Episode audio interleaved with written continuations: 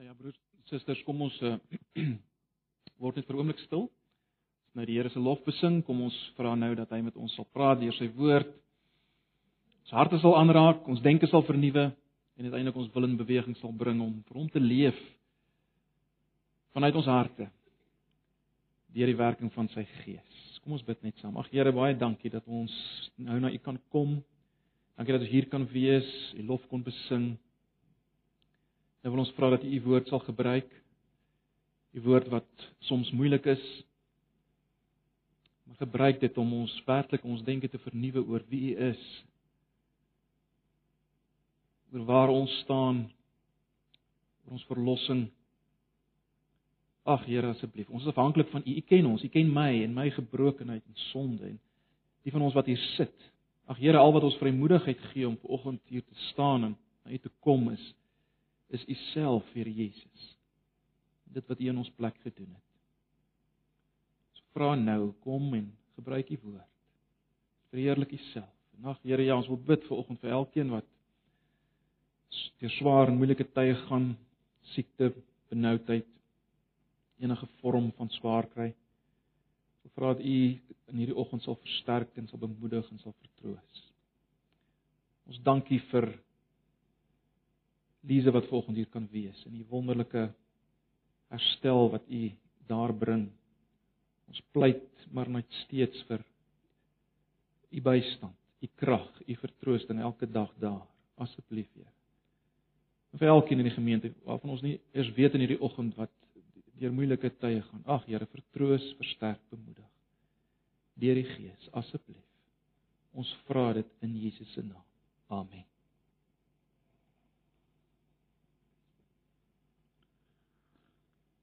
Nou ja, broers en susters, ons is terug uh, by ons reeks uh, oor Romeine, ons sistematiese studie van die boek Romeine, waarmee ons ook besig is in ons selgroepe. Verlede week het ons nou so 'n bietjie afgewyk om te kyk na die belangrikheid uh van gemeentewees en kerkwees tydens ons uh hertoewyding verlede Sondag. Ons kom nou in in ons uh studie van Romeine by hoofstuk 2 en ons gaan saam lees vanaf vers 1 uh tot vers 29. Ek wil tog vra, ek ek vertrou u doen dit, maar ek wil tog vra dat u altyd die Bybel sal byderhand hou as ons besig is met met hierdie studie.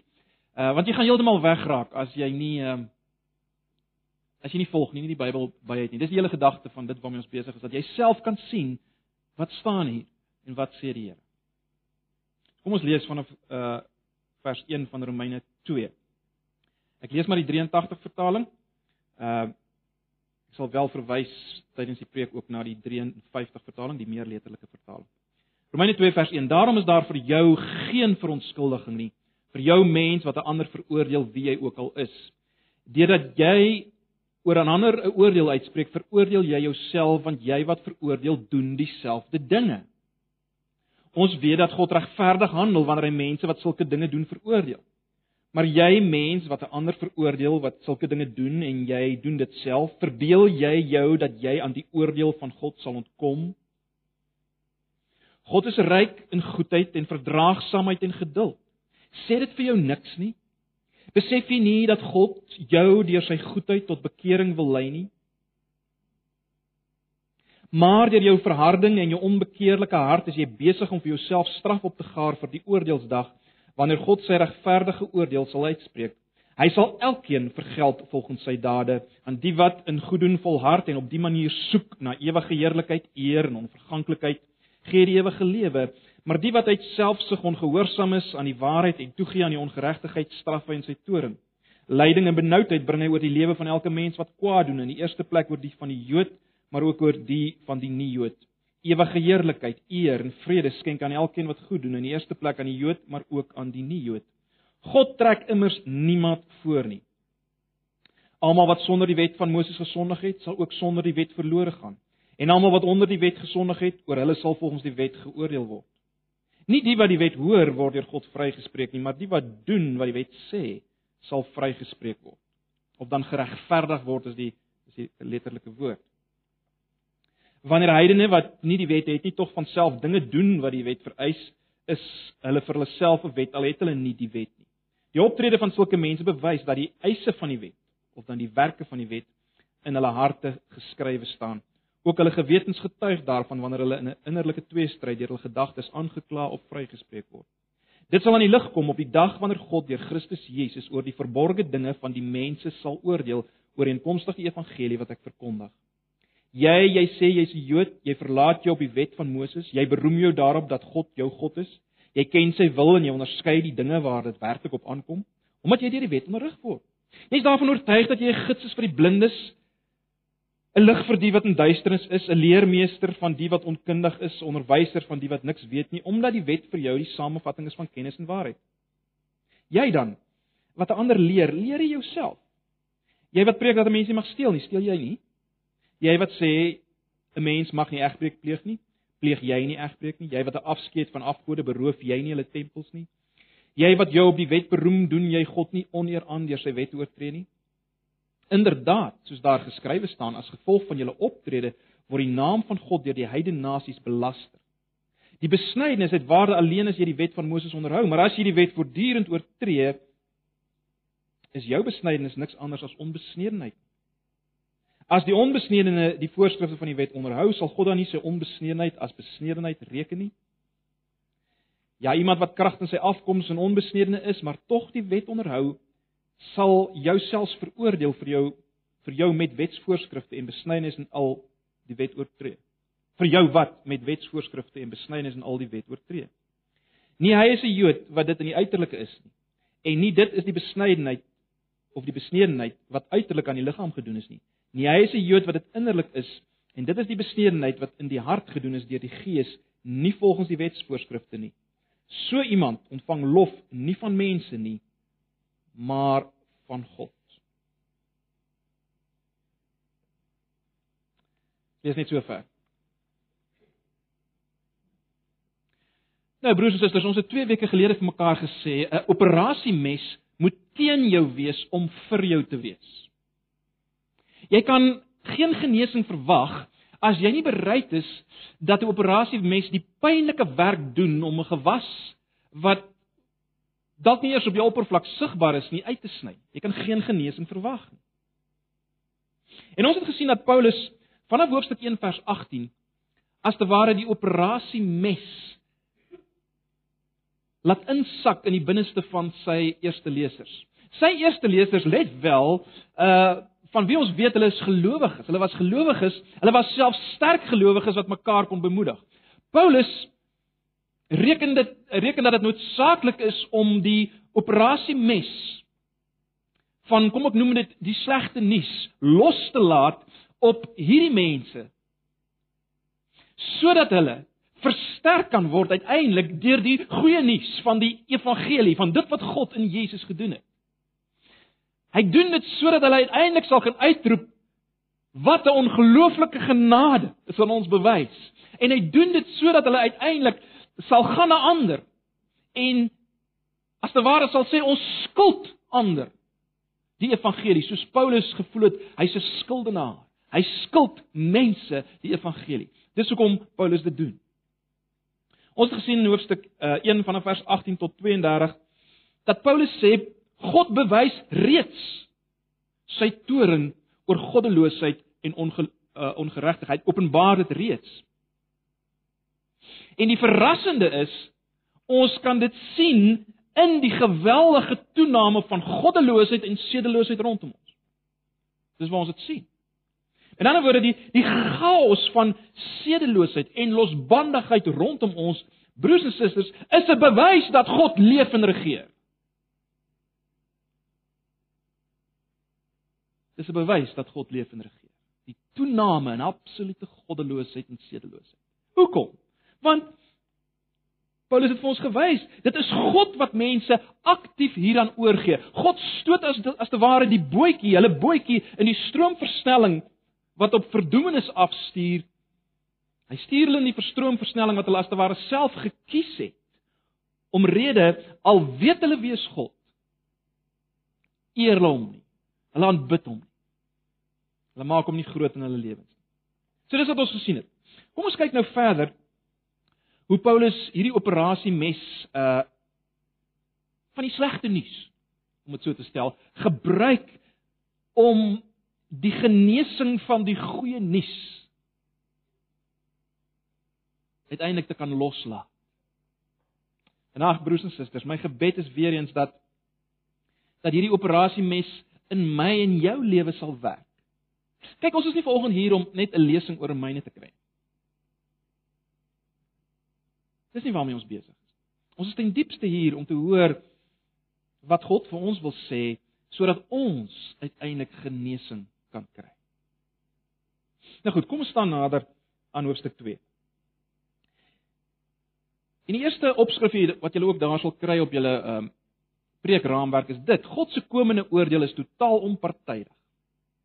En dan word dit sal dieselfde wees vir almal. Nou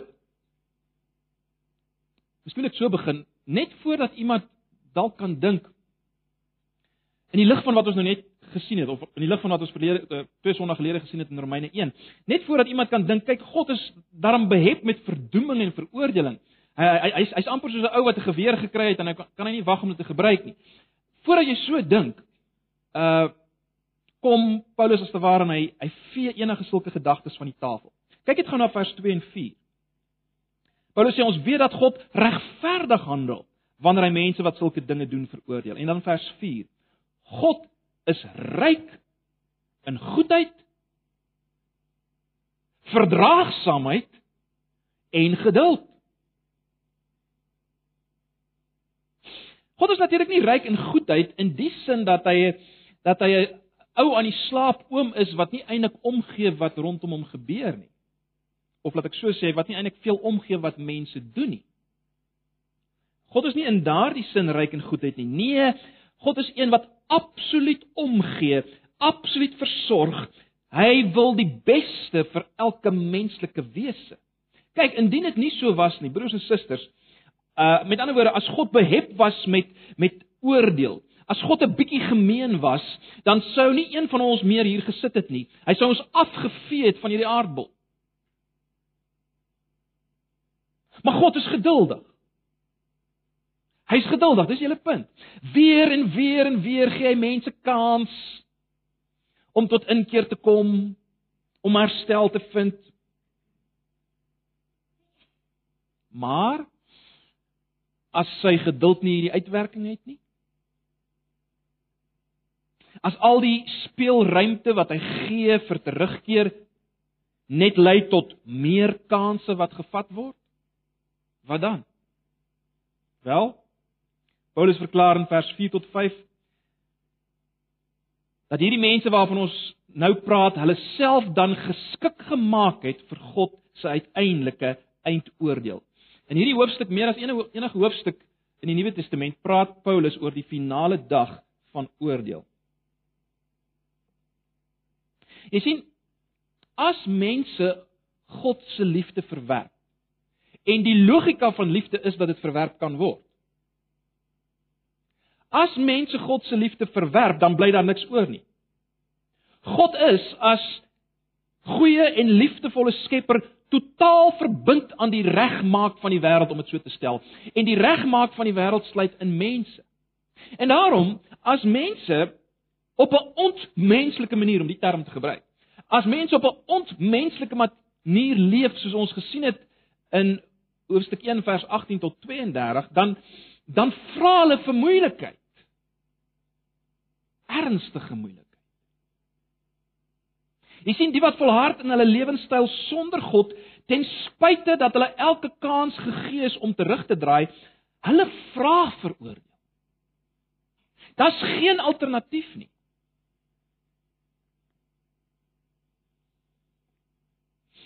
Hierdie prentjie van oordeel wat Paulus hier uh uitlig, los niemand in 'n posisie waar hy moreel beter voel as enige iemand anders nie, né? Die gedeelte wat ons gelees het, uh het begin met Paulus wat as te ware die masker afblik van alle moraliste. Ouens wat goed leef op die op die oppervlak. Dit kan wees dat hy spesifiek hier praat met heiden moraliste, kan wees dat hy alreeds die Jode in gedagte het. Miskien is hy doelbewus nie heeltemal duidelik daaroor nie. Maar kom ons sê hy praat met moraliste in die algemeen. Nou die verband met die vorige gedeelte, die gedeelte wat ons nou 2 weke gelede gedoen het, is dit. Hy weet dat sy lesers en ek en jy ingesluit sal erken dat dit wat hy gesê het in 1 vers 18 tot 32 en miskien spesifiek in vers 32 van hoofstuk 1, ons sal erken dat dat dit waar is van ander mense.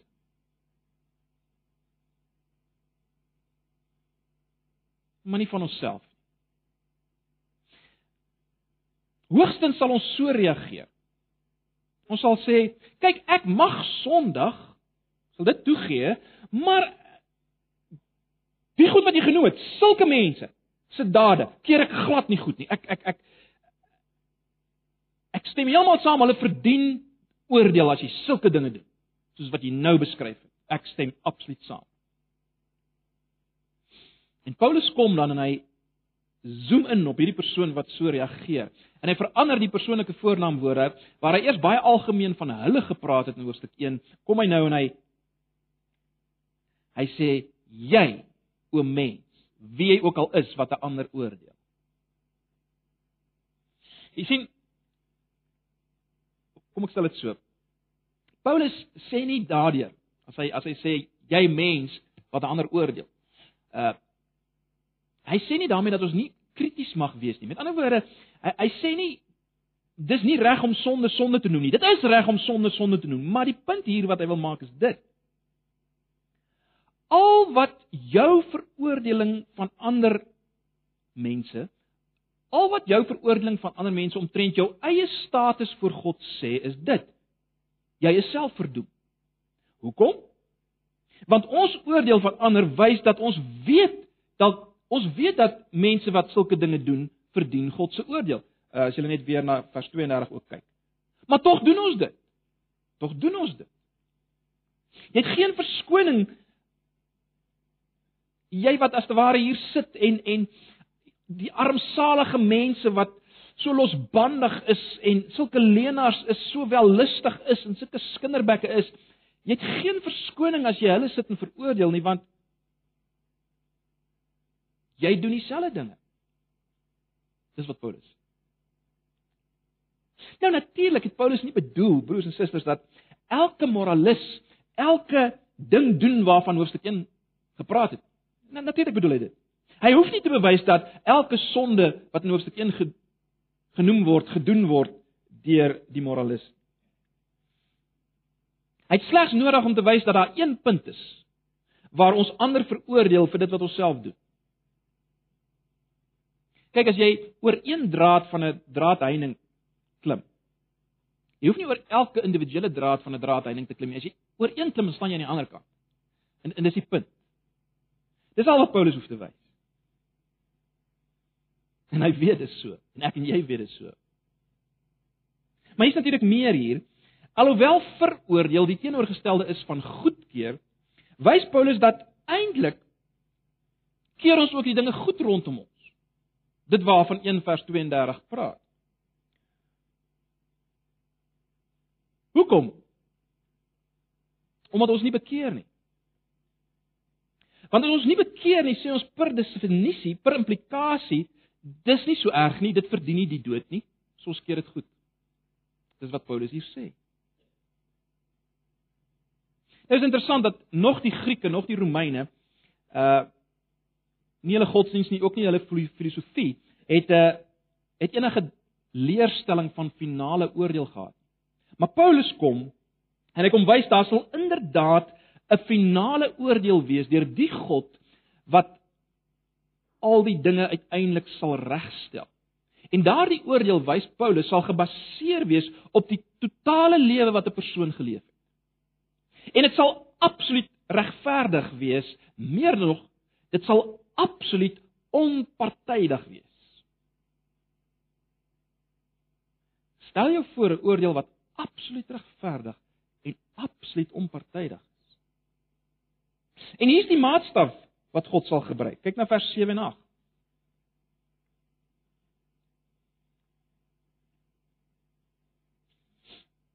aan die wat deur volharding en goeie werke heerlikheid, eer en onverganklikheid soek, die ewige lewe.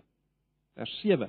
Maar aan die wat eie sinnig en aan die waarheid ongehoorsaam, maar aan die ongeregtigheid gehoorsaam is, grimmigheid en toorn. Vers 8. Dis die maatstaf. Nou natuurlik broers en susters, dit sal belaglik wees om te dink dat Paulus nou op hierdie punt kom en sê, kyk, sien julle dis moontlik om gered te word, begin net om op te hou om vers 8 te doen en begin doen vers 7, dan sal jy gered word. Dis belaglik om te dink dis wat Paulus hier doen, want hy het reeds gewys dat die natuurlike mens in die algemeen die heerlikheid, en let op die woorde wat ek gebruik en wat die teks gebruik. Hy het reeds gewys dat die natuurlike mens in die algemeen die heerlikheid en die onverganklikheid van God verruil. Hy het dit in Hoofstuk 1 vers 23 gewys. Die natuurlike mens doen dit nie. Hy hy soek dit nie. En hy het reeds gewys dat volharding in onbekeerdheid wys jou eie sinnigheid en jou gehoorsaamheid aan ongeregtigheid. Vers 8. Vers 8.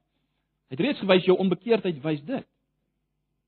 So, Paulus is natuurlik nie besig om hier te wys hoe jy gered kan word sonder Christus nie. Hy wys hoe jy gaan geoordeel word.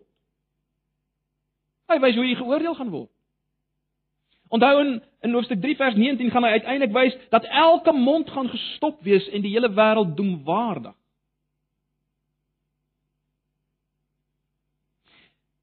Maar om terug te kom na vers 7, dis natuurlik belangrik om te sien dat vers 7 nie volmaaktheid beskryf nie, né?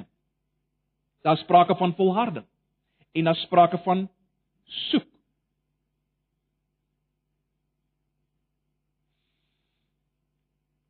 So die vraag is wat ons hier sien is dit nie die geloofsgehoorsaamheid wat Paulus graag wil bewerkstellig deur die verkondiging van die evangelie nie.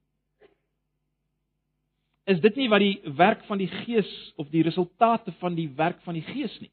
Maar goed, ons gaan moet wag uh vir die res van Romeine om om te sien wat Paulus daaroor te sê. Vir nou broers en susters, vir vanoggend is dit net belangrik om om dit te onthou almal sal deur dieselfde maatstaf geoordeel word. Dis die punt wat Paulus wil maak. En baie belangrik miskien vir ons wat hier sit. Ons moenie dink dat die leerstelling van regverdigmaking van die uh, regverdigmaking deur die geloof beteken dat daar nie meer 'n finale oordeel volgens werke gaan wees nie. Net wel ek sê nie daar gaan 'n veroordeling wees Ek sê daar gaan 'n oordeel wees. Met ander woorde wat ek probeer sê is dit. Moenie dink ek en jy wat in die regte verhouding met God staan in en deur Jesus gaan nie voor die regterstoel van God verskyn nie. Paulus leer dit nooit nie. Hy leer dit nooit nie. Om die waarheid te sê, uh, 'n bietjie later in Romeine 14 vers 10 tot 12 sê hy dit. Luister na Romeine 14 vers 10 tot 12. Maar jy, waarom oordeel jy jou broeder of jy ook waarom verag jy jou broeder? Want ons sal almal voor die regterstoel van Christus gestel word. Want daar's geskrywe, so waaragtig as ek leef, sê die Here, vir my sal elke knie buig en elke tong sal God bely. So elkeen van ons, en hy praat met geregverdige gelowiges, elkeen van ons dan sal hom sal vir homself van God rekenskap gee. Ook in 2 Korintiërs 5 vers 10, want ons almal moet voor die regterstoel van Christus verskyn, sodat elkeen kan ontvang wat hy deur die liggaam verrig het. En ek gaan nie nou verder daarop uitbrei nie. Dit is belangrik. God gaan absoluut regverdig onpartydig oordeel. En dit bring ons by ons tweede uh punt in die raamwerk. Wat ek genoem het wat tel is wat jy doen nie wat jy weet nie. Dit kry ons in vers 12 tot 16. Ons het nou gekry kyk na vers 1 tot 11.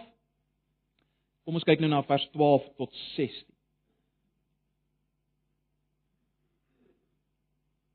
Vers 12 tot 16.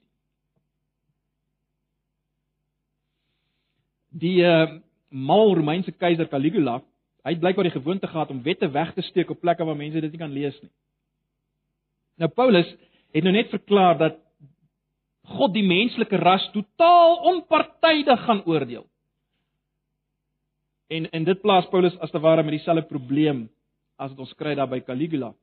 Uh want sien Onmiddellik is die vraag maar sekerlik, ek meen sekerlik het God se eie mense, die Jode, 'n bietjie van 'n voordeel, 'n bietjie van 'n van 'n vinnige wegspring. Ek meen, is dit nie onregverdig teenoor alle ander mense om gelyk te oordeel nie, want ek ek meen die Jode het tog 'n baie beter kans om te weet wat hulle moet doen. Nou, net voor ons verder gaan met Paulus se argumente, is dit miskien belangrik op hierdie punt om net een ding baie mooi te verstaan. Wanneer Paulus praat van die wet, dan praat hy van die Joodse wet, die Torah. Hy praat van die hele ou verbondstelsel as jy wil. Hy praat nie net van die 10 gebooie nie. Hy praat nie van 'n algemene morele wet wat alle mense soort van het nie. Hy praat van die Torah. Dis hoe hy die woord wet gebruik in Romeine. As jy dit onthou, dis nogal belangrik om dit deurgangs te onthou. Hy praat van dit wat op Sinaï verkry is, al die voorskrifte, al die wette, ingesluit die 10 gebooie, al die offers, al die feeste, alles was saam die Torah en dis wat die Jode gehad het en die res van die wêreld nie. Baie belangrik. Die res het dit nie gehad nie. So onthou dit, hou dit vas. Dis die historiese wet wat 400 jaar na Abraham gekom het. Maar goed. As ons dit nou weet dan dan kom hierdie gedeelte steeds as 'n dubbele skok na ons, né? Nee. Ek meen, ons ons ons natuurlike denke loop so. Ons natuurlike denke loop so. Hierdie hierdie Torah, hierdie wet wat God vir sy volk gegee het, dit sit hulle tog as te ware bietjie eenkant. Nie waar nie. Ek meen, uh uh hulle kan tog nie saam met die heidene en op dieselfde manier as die heidene geoordeel word. En aan die ander kant die arme heidene, hulle is tog onkundig wat die wet betref. So jy kan hulle tog nie blameer. Jy kan hulle tog nie blameer as hulle nie die wet doen nie. Met ander woorde as hulle sondig. Dis hoe ons denke loop. Wel, hoe antwoord Paulus? Paulus kom en hy, hy wys as te ware dat die ken van die wet, die besit van die wet, die weet daarvan en die verstaan daarvan baat jou niks. Dis die doen wat tel. Dis wat Paulus sê. En Paulus kom wys dat die heidene wat die heidene wat deur wat hulle doen wys dat die of laat ek laat ek so stel. Paulus wys dat heidene deur wat hulle doen wys dat letterlike vertaling die werke van die wet in hulle harte is. Let wel, hy sê nie dat die wet in hulle harte is nie, want dis 'n nuwe verbondsterm, né? Hy sê dat die werke van die wet in hulle harte is, letterlike vertaling. Sê heidene wys dat die werke van die wet in hulle harte is. Deurdat hulle sekere dinge doen wat ook in die wet vereis word, wys hulle dat hulle weet dat sekere dinge reg en verkeerd is om dit eenvoudig te stel. En in reeds in Romeine 1 vanaf vers 18 het hy gewys dat mense weet sekere dinge. En dis al wat hy kom wys. En wat hy nou sê is dat die heidene sal daardeur geoordeel word deur hierdie dinge wat hulle weet en dit nie doen nie. Wat hulle weet wat reg is en nie doen nie. Hulle sal daardeur geoordeel word. Let wel, hulle sal nie daardeur vrygespreek word nie. Hulle gaan daardeur geoordeel word. Hy sê hy sê nie hulle gaan daardeur vrygespreek word. Aan die ander kant sal die Jode ook verdoem word want hulle het die wet die geweldige voorreg daarvan, maar hulle doen dit nie. So, God is absoluut regverdig as hy hierdie maatstaf gebruik. God is absoluut regverdig as hy die maatstaf gebruik van doen jy die wet of doen jy dit nie? Dis Paulus se punt. God is absoluut regverdig as hy daai maatstaf gebruik. Dit bring ons by ons derde hoofpunt. Die aanspraak van die Jode en die probleem daarmee. En dis wat ons skryf vanaf vers 17 tot vers 24.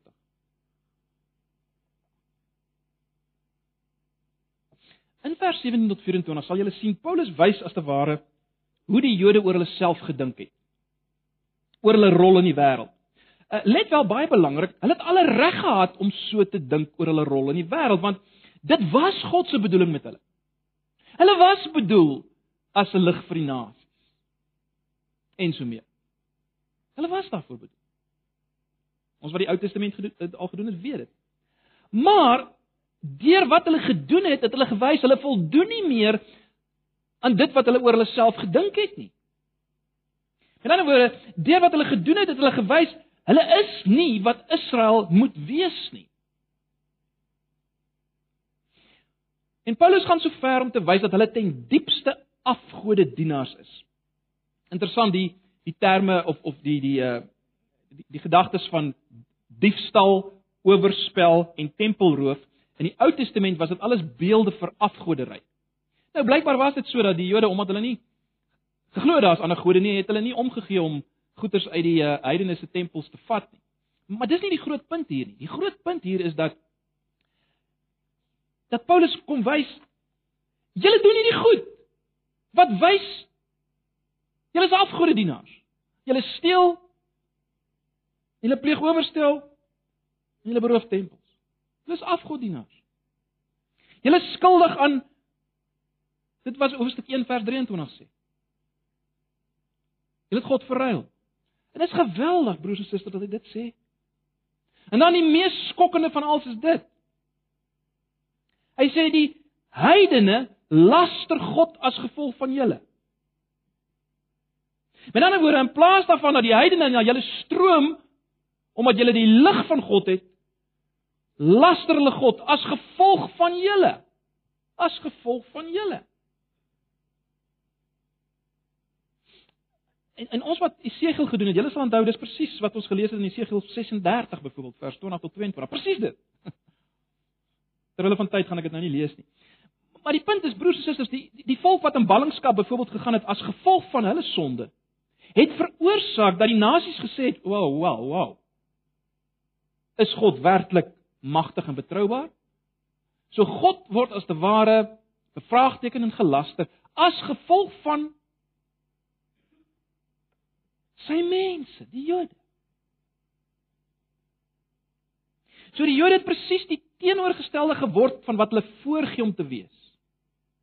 Meer nog, die volk van God, die nageslag van Abraham wat 'n seën moes wees vir die wêreld, wel dit het misluk. Om dit om die waarheid te sê, dit lyk asof en, en let op, dis belangrik vir wat ons later gaan sien. Dit lyk op hierdie stadium of die hele verbond misluk het. So lyk dit.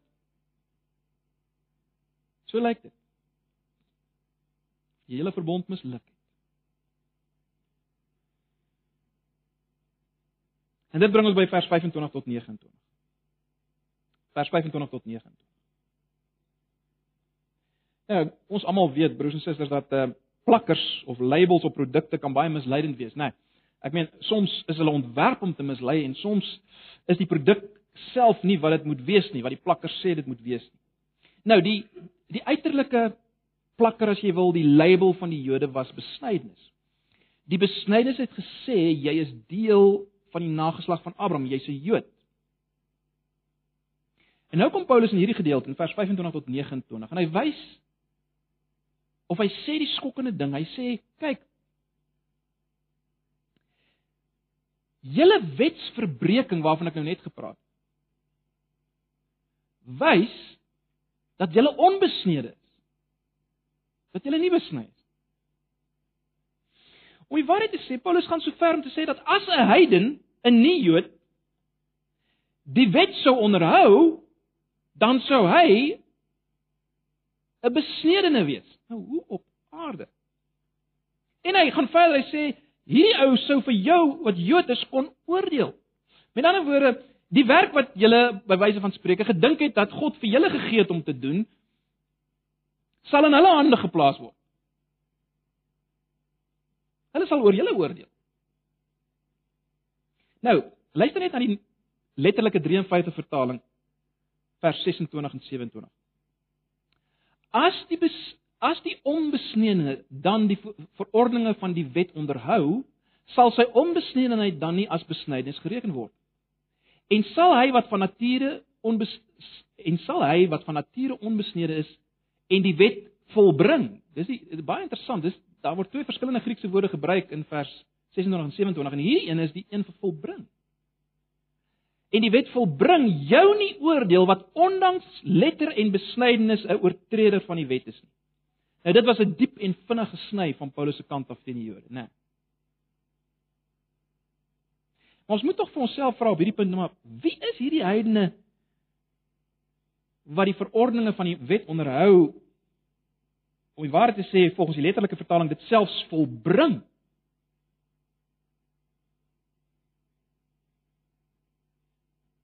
Ouens wat nie besny is nie wat dit doen. Uh, Paulus weet baie goed broers en susters dat dit baie snaaks moet klink vir goed geskoolde Jode. Dat dit eintlik geen sin gemaak het nie. Ek meen Besnydenis wys dan juis, dis dis een van die basiese dinge van die onderhouding van die Torah. So ek meen hoe kan 'n onbesnede persoon die wet volbring? Dis 'n geweldige stelling wat Paulus maak. Maak geen sin vir 'n Jood. En die antwoord hierop kom in die Bybelse egos in vers 28 en 29. Jy sien Paulus verwys nie hier na 'n heiden wat 'n spesiale morele poging aanwend om die wet te onderhou nie. Hy verwys na die mense wat die wet van God op hulle harte het deur die Gees. Hy verwys na die mense wat die wet van God op hulle harte het deur die Gees. Met ander woorde, dit is duidelik dat hy hier vir 'n oomblik praat van heidene wat Christen geword het. En as jy nou uiteindelik kyk na Romeine 8 vers 4, dan sal jy sien dis presies wat Paulus daarop sê. Met ander woorde, in lyn met die profesie van Jeremia 31 en Jesegiel 36 en in lyn met die geestelike belewing van die vroeë Christene, glo Paulus dat Jesus, die Messias, God se verbond vernuwe het en dat daar nou verwelkom word in hierdie verbond in hierdie familie as jy wil mense van verskillende etniese agtergronde. Maak nie saak wat sy plakker is nie. Solank hy die evangelie glo word hy verwelkom in hierdie nuwe verbondsgemeenskap. Maak nie saak of hy besny is of nie. Dis dis die punt in ander woorde vir 'n kort oomblik raak Paulus of laat ek so sê, hy hy gee vir 'n oomblik 'n skets van die Christelike lewe as die vernuwing van die hart deur God se Gees. Vir 'n oomblik gee hy dit. Prentjie van die vernuwing van die hart deur God se Gees. Natuurlik in hoofstuk 8 en in hoofstuk 12 gaan hy terugkom hierna. Maar jy sien omdat hy daarvan praat, kan hy hierdie kontroversiële stelling maak. Hy kan verklaar dat die plakker, die label is irrelevant. Hy kan verklaar dat wanneer jy die ware artikel vind in die pakkie met 'n ander plakker, dan moet jy die regte ding op die regte naam noem al kom dit totaal van 'n ander plek. Dis wat hy doen. So hy neem eers die woord Jood.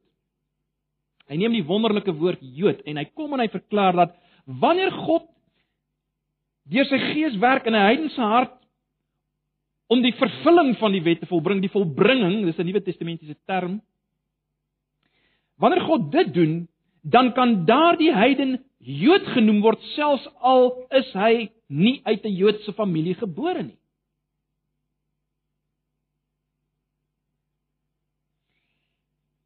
En natuurlik dwars deur die brief werk Paulus met hierdie radikale verskywing.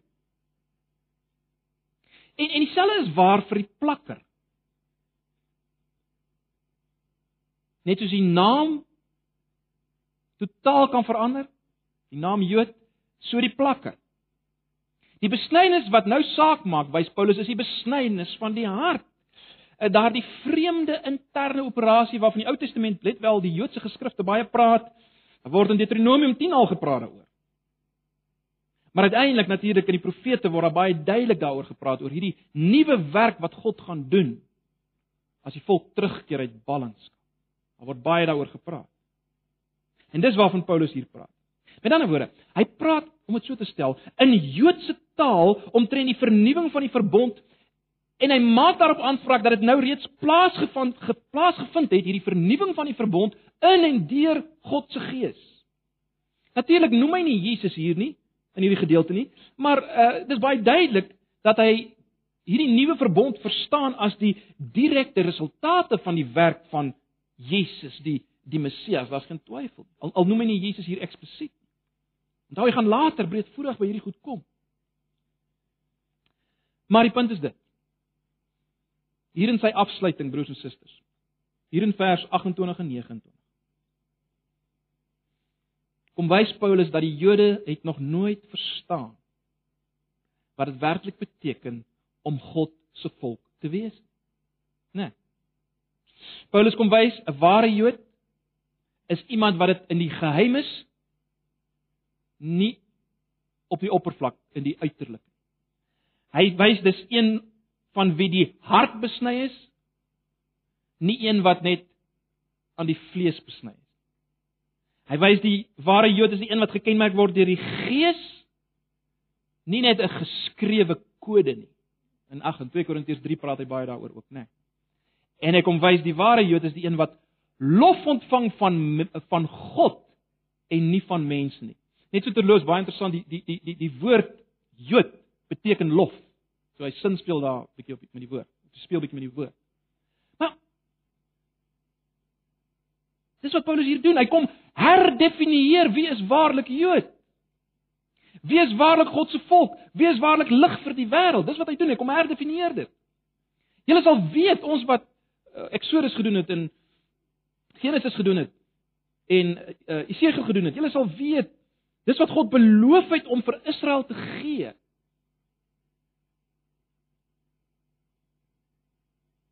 As hulle terugkeer uit ballingskap. Hulle het dit nodig, 'n besnydenis van die hart en ag broers en susters. Dis wat ek en jy nodig het, is dit nie? 'n Besnydenis van die hart. En ons moet natuurlik wag tot hoofstuk 3 vers 21 om te sien hoe is dit moontlik? hoe is dit moontlik dat God dit vir ons kan doen?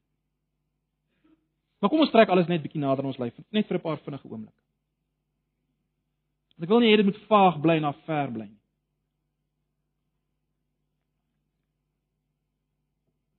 Jy wat vanoggend hier sit. Jy weet ook wat is reg.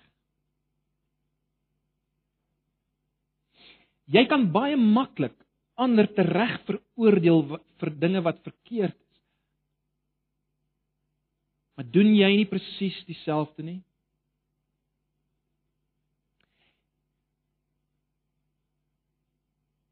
En maak jy nie verskoning of verskonings wat jou weerhou van bekering nie. En is dit nie dalk so volgens dink mooi, is dit nie dalk so? Is dit nie dalk as gevolg van die feit dat jy niks oorkom as jy bietjie oneerlikheid oneerlik is in jou besigheid en as jy bietjie bietjie uh uh uh nie almal eerlik is met jou belastingvorm nie uh, en en bietjie afkyk met jou skoolwerk en jy kom niks oor nie. Is die is die feit dat jy niks oorkom nie, dalk die rede hoekom jy nooit bekeer hiervan nie. En dit geld vir al jou ander liefdeloosheid teenoor God en jou liefdeloosheid teenoor ander. Jy kom niks oor nie, so jy bekeer jou nie. Hoeveel kansse het jy al gehad vir bekering? Jy moet jouself dit vra vol. Hoeveel keer is jou lewe al gespaar waar dit anders kon wees?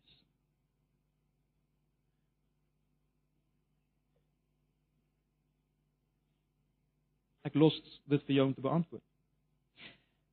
Broers en susters, moenie vanoggend hier wegstap met die boodskap Jakobus sê ons moenie ander oordeel nie. Nee nee. Erken jou oordeel van ander.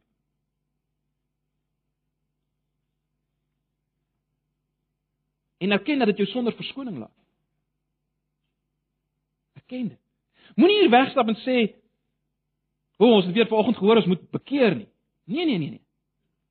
Erken jou nalatiging van bekering. Erken dit. Verstaan vanoggend weer wat is die groot probleem van die mens en en jou en my groot probleem. Dis God se toekomstige oordeel. Dis ons probleem. Dis die mensdom rondom jou se groot probleem.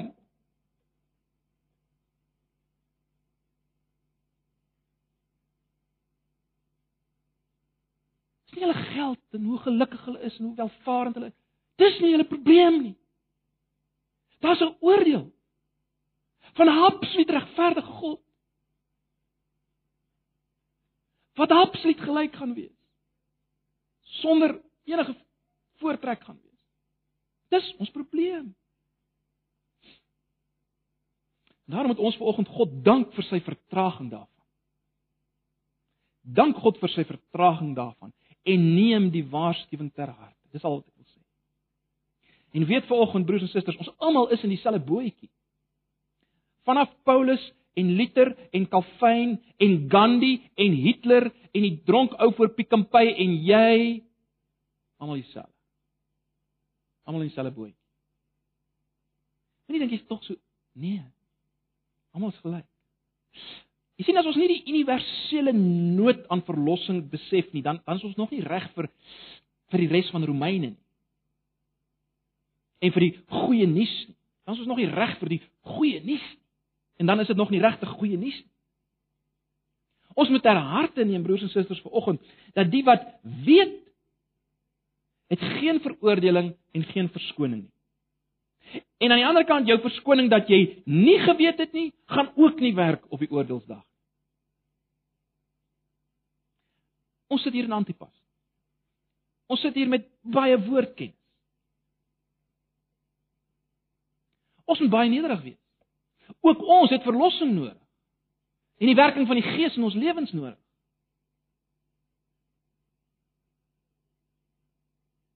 Want dit is nie jou weet wat jou red Dis nie jou weet wat jou red nie.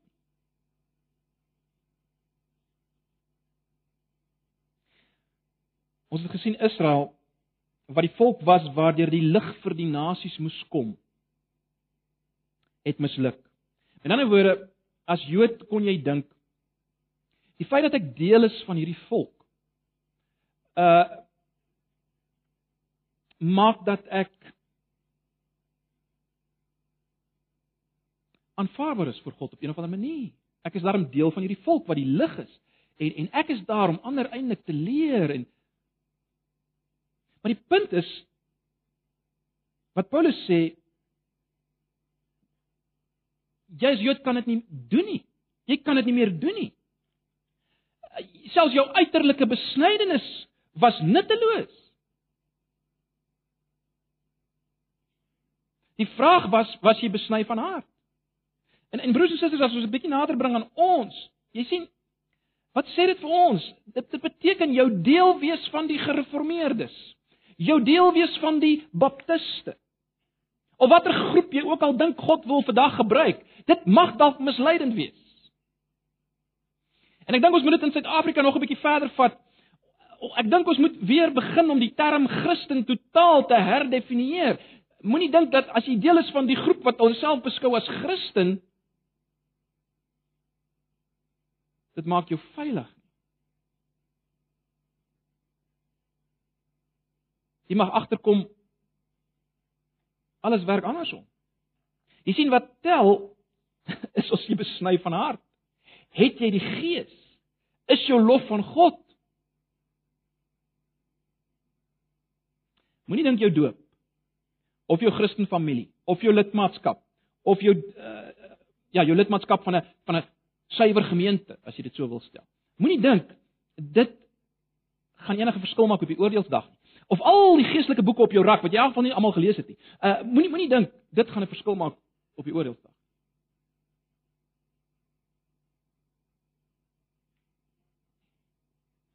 Jy sien 'n klein gedoopte of glad nie gedoopte ou wat nog nooit in 'n kerk was nie en nog in sy lewe nie 'n geestelike boek gelees het nie, glad nie deel is van die Christene nie. Jy en hy.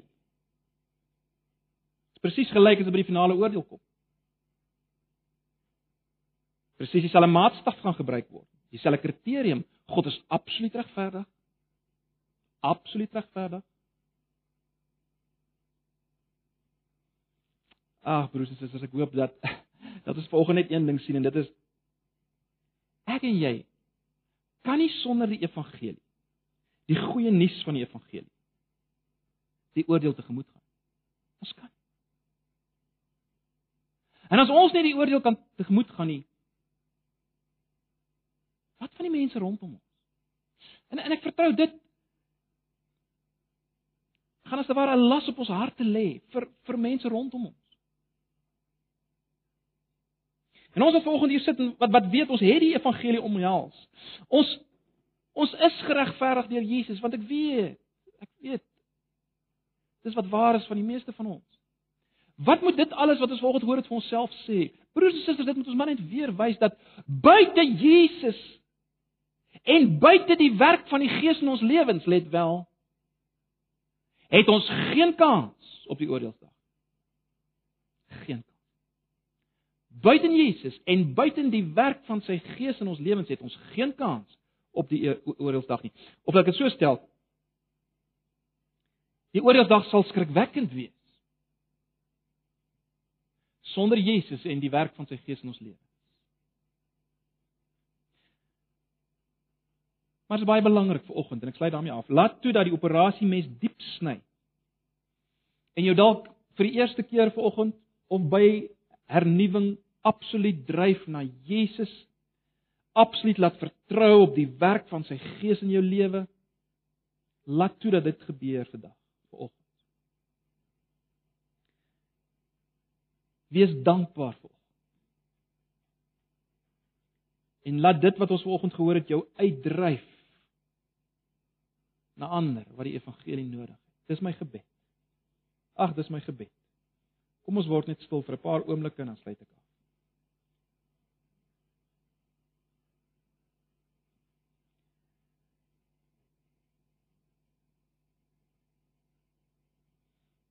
Here, dankie vir die woord. Die woord wat vanoggend dalk 'n bietjie ongemaklik is vir ons. Maar ons dankie daarvoor.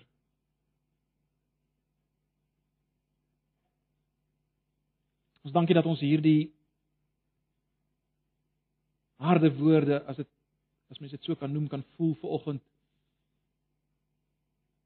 Dat ons die gewigtigheid van dit waarmee ons besigheid besig is kan voel vir oggend. Maar ag Here, my gebed is dat ons daarom des te meer uiteindelik die gewigtigheid van die evangelie van dit wat God gedoen het in Jesus sal voel en sal beleef op 'n nuwe manier. Mag nou die genade van ons Here Jesus en die liefde van God en die gemeenskap van sy Heilige Gees by julle wees en bly in hierdie dag en in die week wat voorlê. Amen.